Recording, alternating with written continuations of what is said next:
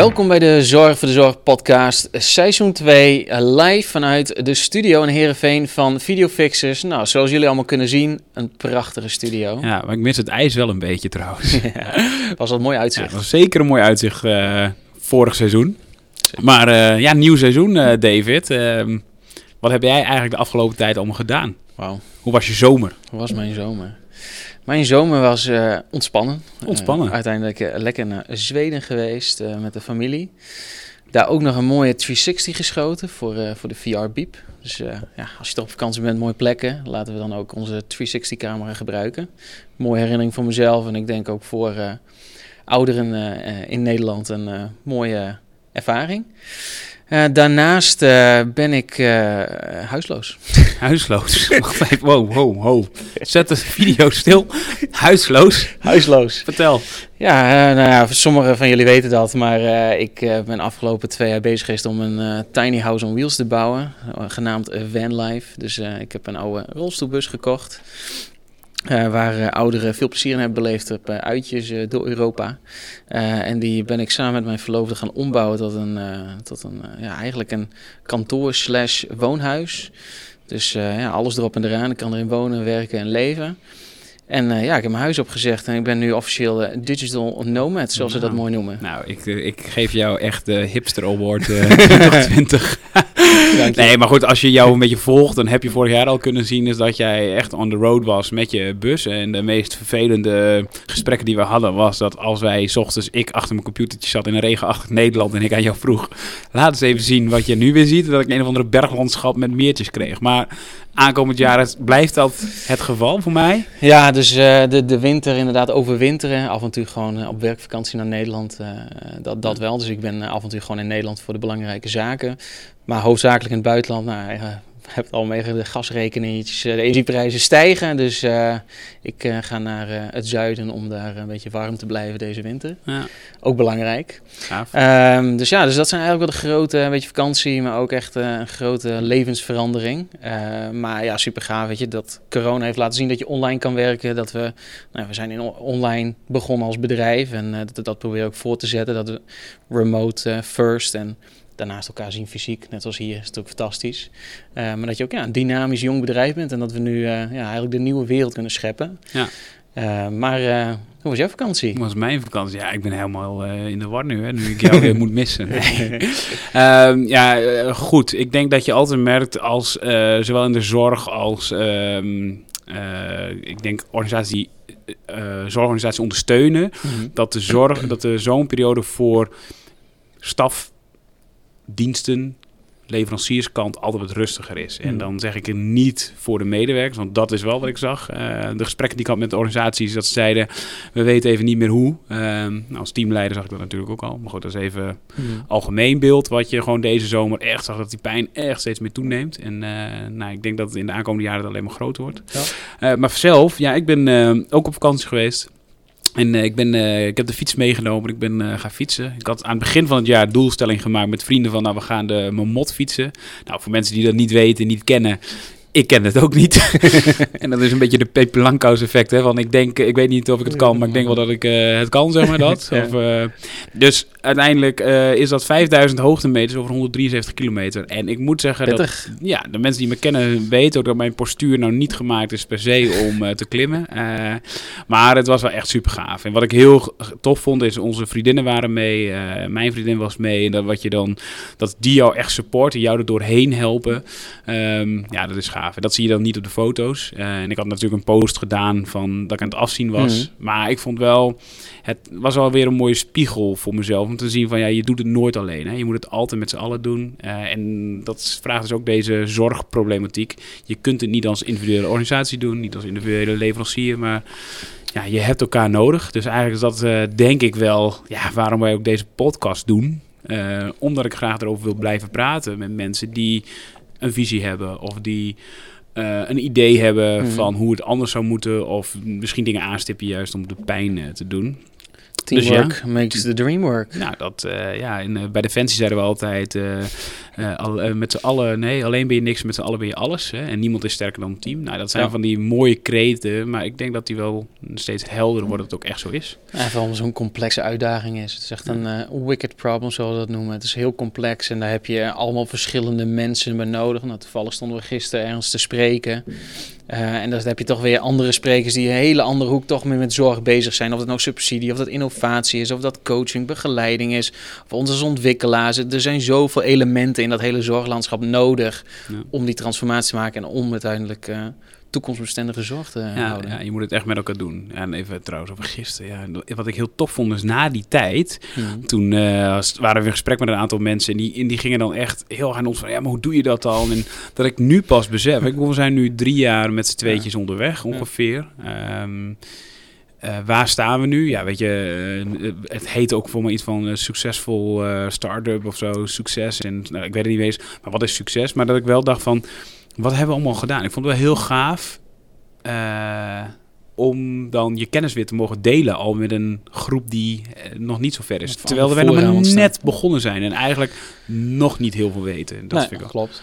Nee, en inderdaad, als je kijkt naar de statistieken, we zijn drie jaar bezig. De meeste start-ups, volgens mij was het 18 maanden of zo. Iets meer dan eh, anderhalf jaar. En dan, dan stopte. Dus dat we nu al het dubbele hebben, is al... We, zijn, we, hebben al, we hebben al wat overleefd. Ja, nou, dat is wel bijzonder. En ik, maar dat vond ik ook heel mooi gisteren, dat je inderdaad die kennis deelt. En ondanks dat het voor ons zo basaal is... en natuurlijk heel veel eh, nou ja, fouten gemaakt, leergeld, zoals we dat mooi noemen.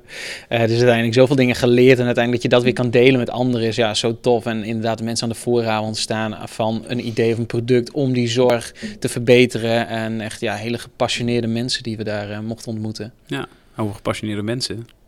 We hebben natuurlijk al een seizoen gehad. Ja. Wat of wie is jou bijgebleven in het afgelopen seizoen? Dat je zegt, "Mwah, die, die, daar denk ik nog wel eens aan. Nou, ik denk eh, dat ik eh, de podcast met eh, Xenia Kuiper van Stichting Philadelphia Zorg een bijzondere vond. Over de robots. Over de sociale robotica inderdaad. Nou, 30 minuten is veel te kort. ja, maar dat is, Maar dat is bij elke gast. Elke. Er is niemand die zegt, oh, duurt het al lang? zijn we al begonnen. Nee, dus uiteindelijk, dat vond ik een hele mooie aflevering. Het gesprek, het ook het gesprek daarna. en uiteindelijk dat die sociale robotica, hoe dat een plek kan krijgen binnen een organisatie. En waarom ik daar nog steeds wel over na heb gedacht. Ik heb afgelopen zomer, zoals ik elke zomer doe, een vakantiebaantje genomen eh, binnen de zorg.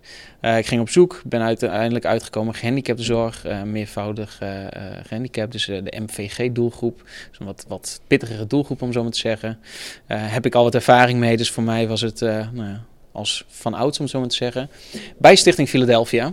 Dus om daar dan uiteindelijk eh, nou ja, weer diensten te draaien met collega's op de werkvloer, avonddiensten, weekenddiensten, eh, op de dagbesteding. Uiteindelijk dat je weer in de praktijk rondloopt. Vind ik heel belangrijk als, als leverancier dat je uiteindelijk ook weet wat er speelt. En dat is niet even een kopje koffie drinken en rondkijken wat er aan de hand is. maar waarom is dat belangrijk als leverancier? Want ik bedoel, dat is natuurlijk... Ja, Vind ik belangrijk Ja, als leverancier. Maar, maar wat Eh, levert je op? Uiteindelijk wat het oplevert is uiteindelijk dat je toch, hè, en ook in de podcast en dan wordt er wel eens weer geroepen van, ah, zorgmedewerkers moeten echt tijd maken voor, eh, voor innovatie of dat soort dingen na te denken. Ja, en ik heb gewoon weer een paar diensten gehad, dan ben je echt niet over aan het nadenken. Omdat uiteindelijk de dienst dan zo complex is, er zoveel verschillende facetten zijn, je werkt gewoon met mensen. Eh, dus uiteindelijk dat je dus, dus niet die tijd hebt. En dat ik dan ook aan het einde van mijn dienst zat van, shit, ik moet nog rapporteren. Maar over vijf minuten is mijn dienst eigenlijk afgelopen.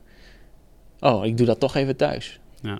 Dus uiteindelijk, je merkt toch uiteindelijk dat in de, in de waan van de dag, eh, en vooral uiteindelijk het is kleinschalig wonen, we zitten op de groep, we hebben ook geen pauze, omdat je de hele tijd de dienst ook meebeweegt met de cliënten.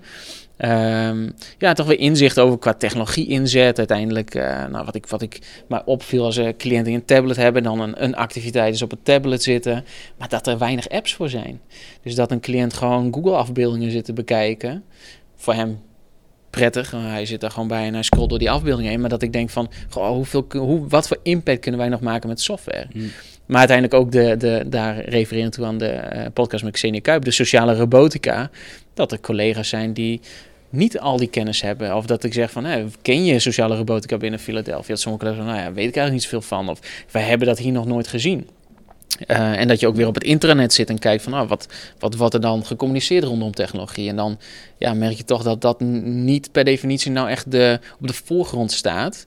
Eh, maar dat de tekorten wel groot zijn. Dus uiteindelijk Mhm. dat je wel merkt, ook met mijn teamleider, van ja, het is wel lastig om personeel te vinden. Het is wel lastig om de diensten rond te krijgen. En dan ja, zit ik natuurlijk vanuit technologie van... oké, maar hoe kun je ervoor zorgen dat we uit die waan gaan als, als begeleider, uit die dienst... en welke technologie kun je dan inzetten? En dat zou ik zeggen van, oké, maar ja, waar moeten we dan beginnen? Ja, dus eigenlijk aan de ene kant zeg je... een organisatie kan dus heel goed bezig zijn met technologie inzetten... maar dat betekent niet dat in de haven van de organisatie het mhm. overal bekend is. En, dan, en, en eigenlijk hoor je ook zeggen van... Ehm, het, het is bijna specialistisch werk, wat je, wat innovatie. Het, het, gaat eigenlijk om, kun jij de hulpvraag vertalen naar een ondersteunende oplossing? Dat is het eigenlijk. En dus voor iedereen uniek. En de MVG-doelgroep is ook een hele specifieke, unieke doelgroep. Hè. Zorgzwaarte, pakkets hoog. Hè. Je staat er met een aantal collega's best wel, nou ja, pittige begeleiding, om zo maar te zeggen. Dus je staat met drie collega's op zes, zeven cliënten. Dus uiteindelijk dat, dat, dat is veel. Maar precies is dat specialistisch. Dus elke cliënt heeft een andere behoefte, heeft een andere manier van leven, heeft een andere technologie die ingezet kan worden. En het experimenteren. En uiteindelijk, ja, voor begeleiders, ja, die, die kennis en expertise is, is er niet. En je hebt ook niet de tijd om daar rustig over na te denken. En het interessante is ook weer, omdat het dus zo'n kwetsbare doelgroep is, kun je ook niet zomaar zeggen van, oh, ik ga er even een uh, innovator neerzetten. Dat moet ook heel goed begeleid worden en ingezet worden. Dus iedereen heeft een unieke oplossing. Iedereen is uniek. En ja, ik denk dat daar ook wel de grote uitdaging zit. Alleen de uitdaging die nog groter is, is uiteindelijk dat er genoeg collega's zijn die die begeleiding kunnen uitvoeren. En wie gaat dat dan straks doen? Is dat een fee? Uh, maar uiteindelijk ja, ga je die robot daarin zetten. Maar voor de rest, prachtige organisatie, leuke collega's. Uh, echt naar mijn zin gehad. Ik voelde me heel welkom. Uh, en uiteindelijk ja, ook bijzondere gesprekken met collega's. Hè. Dus uiteindelijk, ja, van, welke groep kom jij? Nou, ik heb een eigen bedrijf in zorgtechnologie. Nou, wat doe je dan? Hoe zit dat dan in elkaar? En jonge collega's die ook enthousiast worden van technologie en zeggen van, goh, wat zou ik daar meer over willen weten? Of mensen intern in opleiding zitten van, oh, ik hoop dat dat nog wel aan bod komt. Dus uiteindelijk merk ik wel dat daar wel heel veel passie zit vanuit begeleiders als je een beetje het gesprek hebt. Alleen, waar is de informatie te vinden? En dat is... En waar moet je beginnen? Nou, dat. Toch? Dus waar begin je? Maar... Um, wat is jou het meest bijgebleven van uh, seizoen 1? Nou, ik denk dat we heel veel verschillende sprekers hebben gehad... Die, waarbij we meestal het ook echt hadden over de veranderopdracht... en de, en de moeilijkheid daarvan. Mhm. Dus ik denk dat we daar wel veel over hebben gehad. Um, maar wat mij denk ik het meest bijgebleven... maar misschien is dat meer het traject erna... dat is van Ton, uh, die uh, bezig is met een app in de markt te zetten... om mensen die dementie hebben eh, te ondersteunen bij de, hun dagelijkse dagritme. Mm Zo zeg ik het goed. Ik hoop, hoop dat het goed is. Ja, toch? Dagstructuur. Um, en dat hij dat deed vanuit een passie, omdat zijn vrouw leidt aan deze ziekte uiteindelijk. ja, en dat zij dus, zeg maar, omdat hij toen eigenlijk een situatie werd gebracht waardoor hij zeg maar, vragen kregen. Waardoor hij dacht, ja, maar hier moet ik impact maken. Want voor deze mensen kan ik nog wat doen. Dus dat heeft mij wel, dat vond ik wel heel mooi. Echt vanuit de passie, echt vanuit de ambitie. Mhm. en, en dat um, zijn vrouw recent is overleden. Um, en dat ik de manier waarop hij erover vertelde en ook worstelde als mantelzorger met um, zijn rol en, en, en wat is wel goed en wat is niet goed. En dat wij daar ook samen nog een keer met z'n drieën, volgens mij, mm telefonisch hadden we contact met hem. En dat, het gewoon mij, dat raakte mij echt in de kern van. Dat ik echt dacht, wauw, weet je, hoe, hoe verdrietig aan de ene kant, maar ook hoe gepassioneerd. En het was echt een mix van, van mhm. emoties. Ja, ik vond het heel mooi. En ook hoe hij de regie samen met haar in die laatste fase nog heeft kunnen doen. Uh, ook in de uitvaart, uh, hoe hij hoe, zij dat samen wilden. Mhm. En zo hebben ze het gedaan. Ja, heel gaaf. Dus ik, uh, dat, dat bijzonder. Zijn, gaaf is misschien verkeerde woord. Ja, en, maar dat zijn dus die echte verhalen vanuit de, de, de zorgsector. En ik denk dat wat ik nog wil toevoegen is mooi. Wat ik ook aan Tom vond is uiteindelijk... Hè, ze zijn uiteindelijk Times mee, mee geweest op uh, handelsmissie naar uh, Californië. Ja. Met uh, de koningin en helaas koningin, koning Willem-Alexander niet door gezondheidsproblemen. Maar uiteindelijk dat hij daar stond en uiteindelijk dat hij uh, zag ik op een afbeelding op een post van hem van dat hij ervoor heeft gezorgd dat ook een eindgebruiker, dus uh, iemand met dementie uit, uh, uit Amerika, uit San Francisco volgens mij, dat hij zei van ik wil wel er naartoe, maar ik wil wel dat een eindgebruiker meegaat. Dus iemand die hieraan leidt, dus dat die ook dat proces meemaakt.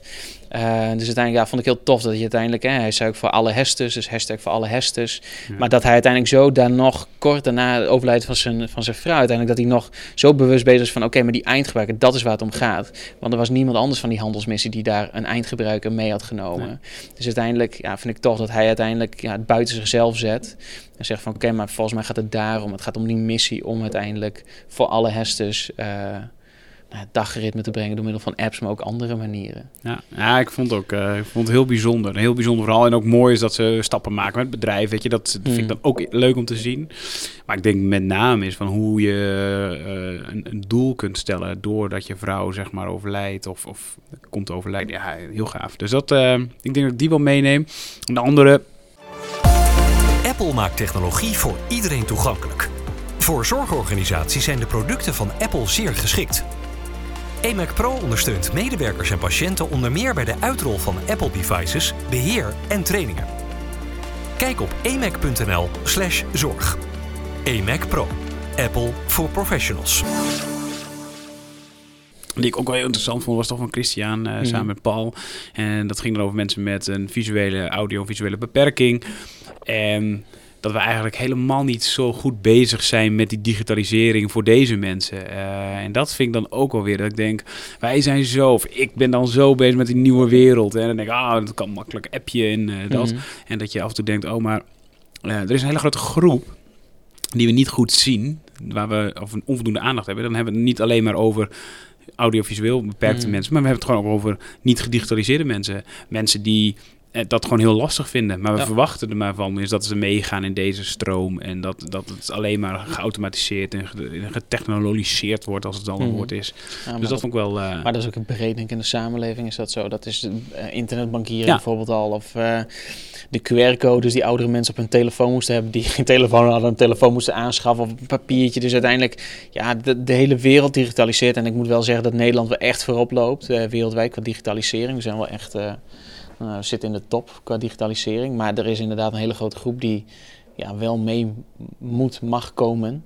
Uh, maar anders ja, krijg je ook weer daar verschillen in de ja, samenleving. Kun je wel meekomen? Dat is dan de vraag. Ja, of is uiteindelijk is de software of de hardware... zijn die wel ondersteunend aan mensen? Of is dat voor een bepaalde groep ontwikkeld? Nou ja, en sluiten we daardoor uiteindelijk andere mensen uit? Nou ja, en ik denk dat, dat als je met machine learning kijkt... en AI, dat ik geloof wel dat toepassingen voor bepaalde eindgebruikers ook makkelijker gaan worden. Omdat het nu soms nog kennis vraagt. Maar ik denk dat het steeds makkelijker en beter aansluit bij mensen. Mm. Dat denk ik wel. Maar hoe dat eruit komt te zien, ja, dat weet ik niet. Alleen ik denk dat je heel bewust moet zijn dat je deze groep hebt. Kijk, en voor zorgverleners die nu nog werken, die er nu heel veel moeite mee hebben, ja, dan moet je gewoon heel veel tijd en aandacht en energie voor mm. geven en insteken.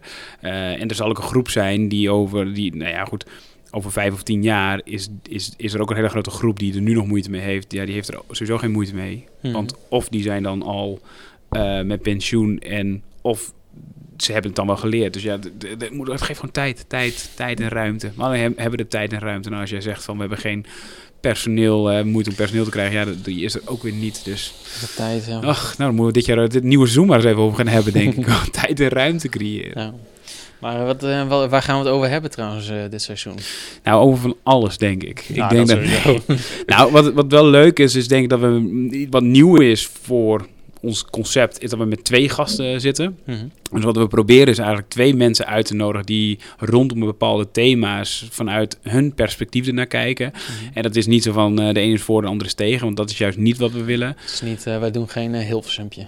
Nee, we zijn niet om, om, om zeg maar, uh, ja, mensen tegen elkaar op of zo. Maar we, we zijn niet hier om te polariseren, we nee. zijn hier om te verbinden. Ja, nou ja, wat we kijken is eigenlijk bijvoorbeeld, we hebben een, as, een afspraak, maar er komt uh, iemand van EMAC komt langs, Apple leverancier, en die gaat er met een developer van software voor zorg in gesprek. Ja, wij gaan met elkaar in gesprek. En dan gaat het heel erg over de human-centered design kant. Um, We hebben mensen die veel meer vanuit het veranderkundige opdracht, en maar ook een stukje met de politiek. Dus Ja. zo proberen we eigenlijk verschillende. En, en dit seizoen hopelijk eindelijk verpleegkundigen. Want eh, we hadden een paar in het Ja. eerste seizoen gepland die eh, door omstandigheden helaas niet konden komen. Maar de verpleegkundigen, Ja. zorgmedewerkers, ze komen eraan. Ja, ja, dit seizoen. Dit seizoen, eerste seizoen Blijf- wilden we kijken, blijf blijf kijken. blijf kijken, maar ze komen eraan. Dus, eh, nee, daar zijn we. dus ja, wel weer de brede lijn pakken van zorg. Dus inderdaad van boven naar onder en onder naar beneden. En dan mag je zelf bepalen wat beneden en onder is en boven. Ja, want, want dat is wel lastig, hè? Want uiteindelijk wil je met iedereen in gesprek. Maar sommige mensen vinden het ook nou, eng, Spannend. zeg maar spannend. Van, Mhm. goh, ja, maar eh, ho- hoezo weet ik wat? Ja, maar juist dat die eindgebruiker eh, werkelijk laten vertellen waar het, de pijn zit. Hè? En dat is Mhm. bijvoorbeeld bij een van die ontwikkeltrajecten waar wij bij betrokken zijn. Ja. Is dat je vooraf denk je, nou, we gaan dit, en dit eh, is het probleem, we moeten een beetje oplossen, nou leuk. En wij gaan dan human-centered design doen, zet ze aan tafel, ga in Mhm. gesprek. En dat je dan hoort waar de werkelijke pijn zit. En dat betekent dat sommige mensen gewoon 24 uur per dag, 7 dagen per week aanstaan Ja, om hun collega's te kunnen ondersteunen, omdat die vragen hebben. En dan kunnen we het hebben over waarom het allemaal en dat het ook niet goed is. En ze moeten nee leren zeggen. Maar het is wel de dagelijkse praktijk. En ik denk dat we daar. En laat hun nog meer vertellen waar de pijn zit. Want ik Ja. denk dat daar ook een groot deel van de oplossing zit. En ik had toevallig nog met onze, nou, onze goeroe op het gebied van innovatie, Job van het Veren, contact. En toen zei ik ook, ik zei van, weet je, wat maakt het nou dat het nog steeds zo lastig is om te innoveren in de zorg? Van, Mhm. moeten we niet eens onderzoek doen naar wat zijn nou factoren die dat beïnvloeden? Hij zegt, ja, dan begon hij te lachen. Toen zei hij, ja, dit soort vragen krijg ik vaker. Hij zegt, we moeten gewoon eens beginnen met actiegericht onderzoek. Oftewel, gewoon gaan doen. En toen dacht ik, ja, dat klopt ook. We moeten gewoon gaan doen in plaats van eh, Klopt. kletsen. staat haaks op een podcast als dit, want wij doen alleen maar kletsen. Ja, maar naast de podcast hebben we natuurlijk veel activiteiten. De VR-beep maakt nu mooie stappen. De Arne-app zijn we druk mee bezig. En voor, voor de tweede versie die straks wordt uitgerold. Ja. Ook mooie samenwerkingstrajecten. Dus uiteindelijk, hè, het is de combinatie. Ik denk uiteindelijk inderdaad, wij praten hier. Ja. Eh, en uiteindelijk eh, veel mensen in ons vakgebied praten heel veel en nog meer. En ook buiten een podcast om. Eh, maar ik denk dat wij dat actiegericht uiteindelijk, dat doen we met eindgebruikers. En om maar door middel van software te ondersteunen en communities te bouwen. En dus ik denk dat we daar eh, wel hard mee bezig zijn. Ja, nou ja, kijk, en uiteindelijk is het ook goed om een breed, brede scope te creëren op dit thema. Hè? Want het, Ja. is niet, het is gewoon echt niet simpel. En het, het is gewoon echt... Ik denk dat je gewoon over dit thema zou je wel eh, tien, eh, tien seizoenen kunnen draaien met eh 40 afleveringen. Ja. En dan heb je het nog, nog steeds niet uitgevonden. En dat is Nee. volgens mij ook een gast die komt, Marco Derks, heeft dat ook wel eens tegen jou gezegd. Van uiteindelijk, ik heb jarenlang hè, boeken gelezen, alles bestudeerd, met iedereen gesproken. Maar hij zei, ik heb ook nog niet Nee, het... de het- hoe, dus hoe moet het dan Ja. wel? Ja, dat is gewoon knetter eh, lastig. En alle mooie theorieboekjes die eh, zijn allemaal waar, hè? Want dan lees Mhm. je weer eh, Lean Startup en hier moet je aan houden. Hè? Focus, focus, focus horen we altijd. Dus Ja. mensen die nu luisteren en denken, ja, dat roep ik ook wel tegen die jongens, dat klopt. maar er wordt ook bijvoorbeeld, hebben we het over speedbootjes en olietankers. En daar gaan we waarschijnlijk met Mark ook nog wel even over hebben, denk ik. Ja. ja dat zijn ehm, containerbegrippen in mijn optiek ook deels, omdat het je moet het wel doen. Dus je moet wel het speedbootje zijn. En je moet wel Ja. de olietanker zijn of zo. En dan iets gaan doen. Maar Klinkt een beetje als eh, het begrip innovatie. ja, een beetje van, hè, nou, wat wij natuurlijk ook zien, hè, organisaties die dan zeggen, nou, goh, wat doen jullie dan rondom het thema? Ja, wij zijn met innovatie bezig. Ja, maar dat is dus heel breed. Je kan je aansluiten bij een kennisgroep, je kan je aansluiten bij een eh, samenwerkingsverband, je kan je aansluiten bij, maar ben je dan echt aan het innoveren? Ja. Of ben je dan producten naar binnen aan het schuiven? Dus uiteindelijk, wat is innoveren, wat is innovatie? Nou, dat is ook weer zo'n container. Maar zo zijn er zoveel containerbegrippen in de zorg. Wat betekent het echt? En uiteindelijk zet dat aan tot actie. Ja, common ground, zeggen we dan. Hè? Dus we hebben, hebben het over hetzelfde als over innovatie hebben. En de theorie schrijft voor, de definitie innovatie is nieuw voor de, de, de, de eenheid die het gaat adopteren. Oftewel, ja, dat is dus heel breed. Ja. Maar wij hebben het volgens mij heel vaak, als wij in gesprek zijn samen, hebben het over procesinnovatie. Dus het Mhm. is je huidige processen veranderen ten opzichte van nou ja, wat je deed, om ehm, naar die 3.0 wereld, die digitale wereld te moeten gaan, hè, die digitale transformatie. Ook dat zal dit seizoen, dat woord nog wel een paar keer de revue passeren, denk ik. Nou, vooral zegt het totaalpakket van, van. Dus het gaat niet om een app of een product of een hardware. Wat, wat je ook maar hebt ontwikkeld als leverancier. Uiteindelijk gaat het inderdaad om dat totaalpakket. En wij spreken natuurlijk veel ook leveranciers in het land. En ja, dat zijn ook wel de grote uitdagingen waar leveranciers natuurlijk tegenaan lopen. Dat het niet, dus dat ze een heel mooi product hebben voor de eindgebruiker uh, of voor de organisatie. Maar uiteindelijk dat dan dat hele veranderkundige traject daaromheen, dat dat ook eigenlijk nu op hun bordje komt. Ja.